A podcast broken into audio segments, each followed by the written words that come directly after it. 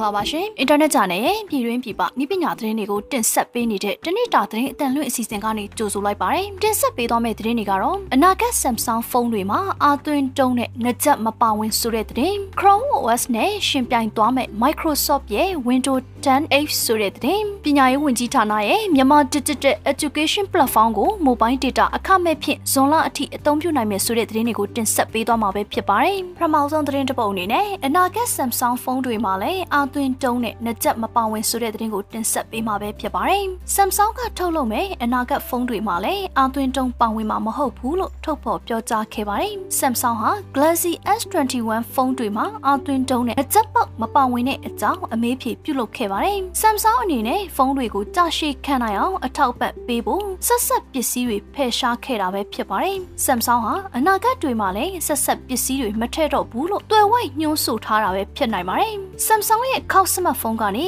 ဘတ်ဂျက်ဖုန်းတွေမှာလည်းအာသွင်းတုံးပါဝင်ပွဲမရှိပါဘူး။ Samsung အနေနဲ့ဈေးပေါတဲ့ဖုန်းတွေမှာတော့အာသွင်းတုံးကိုအချိန်ကြာကြာဆက်လက်ထည့်သွင်းထားနိုင်ပါတယ်။နောက်ပိုင်းမှာတော့အာသွင်းတုံးကိုဖယ်ရှားသွားပွဲရှိပါတယ်။ Samsung ဟာ Apple လိုမျိုးထုတ်ပြီးသားဖုန်းတွေထဲကအာသွင်းတုံးကိုဖယ်ရှားဖို့အစီအစဉ်မရှိပါဘူး။ Note 20 Ultra နဲ့ Note 10ထဲမှာအာသွင်းတုံးတွေဆက်လက်ပါဝင်လာပါအောင်မယ်။ဆက်လက်ပြီး Chrome OS နဲ့ရှင်ပြိုင်သွားမယ် Microsoft ရဲ့ Windows 10H ဆိုတဲ့သတင်းကိုတင်ဆက်ပေးမှာပဲဖြစ်ပါတယ်။ Microsoft ဟာ Chrome OS နဲ့ရှင်ပြိုင်မဲ့ OS ကိုဖန်တီးနေတာနှစ်ပေါင်းများစွာကြာမြင့်နေပါပြီ။အခုဆိုရင်အပိသက်လူနီးပါးဖြစ်နေတဲ့ Windows 10H ပုံတွေကထွက်လာပါတယ်။ Windows 10H ဟာ dual screen ထုတ်ကုန်တွေမှာသုံးနိုင်အောင်ဒီဇိုင်းထုတ်ထားပါတယ်။ Microsoft ရဲ့ Surface Neo နဲ့အတူမိတ်ဆက်နိုင်ပါတယ်။ Microsoft ဟာပြီးခဲ့တဲ့နှစ်က laptop နဲ့ထွက်ရှိဖို့နှောင့်နှေးနေတဲ့ Surface Neo လိုမျိုးထုတ်ကုန်တွေမှာအသုံးပြုနိုင်ဖို့ပြန်လည်ဖန်တီးခဲ့ရပါတယ်။ Microsoft ဟာခေါက် smartphone နဲ့ dual screen ထုတ်ကုန်တွေမှာမတူကွဲပြားစွာ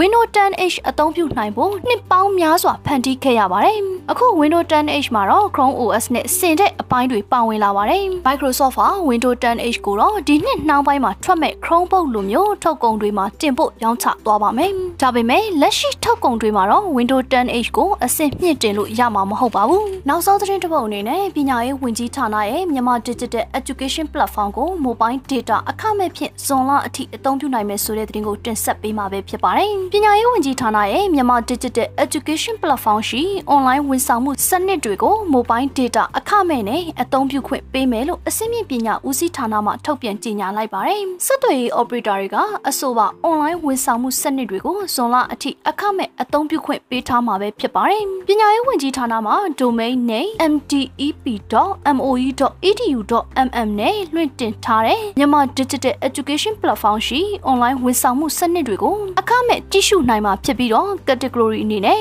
အခြေခံပညာရေး DBE Bausch နည်းပညာနဲ့တက်မွေးပညာရေးနှင့်လေ့ကျင့်ရေး TVED နဲ့တက္ကသိုလ်ပညာရေး University Education တို့ပါဝင်မှာပဲဖြစ်ပါတယ်။ပညာရေးဝန်ကြီးဌာနလက်အောက်ရှိ website Facebook Education TV Channel FN တွေမှာလည်းမြန်မာ Digital Education Platform ကို mobile data အခမဲ့နဲ့ဝင်ရောက်အသုံးပြုနိုင်မယ်လို့သိရပါတယ်။အခုတင်ဆက်ပေးသွားတဲ့သတင်းတွေကနိုင်ငံတကာနဲ့ပြည်တွင်းမှာရရှိထားတဲ့နည်းပညာသတင်းတွေကိုအင်တာနက်ဂျာနယ်ကနေတင်ဆက်လိုက်တာပဲဖြစ်ပါတယ်။အခုလို COVID-19 ဖြစ်ပေါ်နေတဲ့ကာလမှာပြည်သက်တွေအနေနဲ့လည်းကျန်းမာရေးနဲ့အာကစားဝန်ကြီးဌာနရဲ့လက်ညှိုးမှုတွေနဲ့အညီလိုက်နာဆောင်ရွက်ခါနေထိုင်သွားလာဖို့တိုက်တွန်းလိုက်ပါတယ်။ကျွန်မကတော့ဝေမြင့်မှုပါ။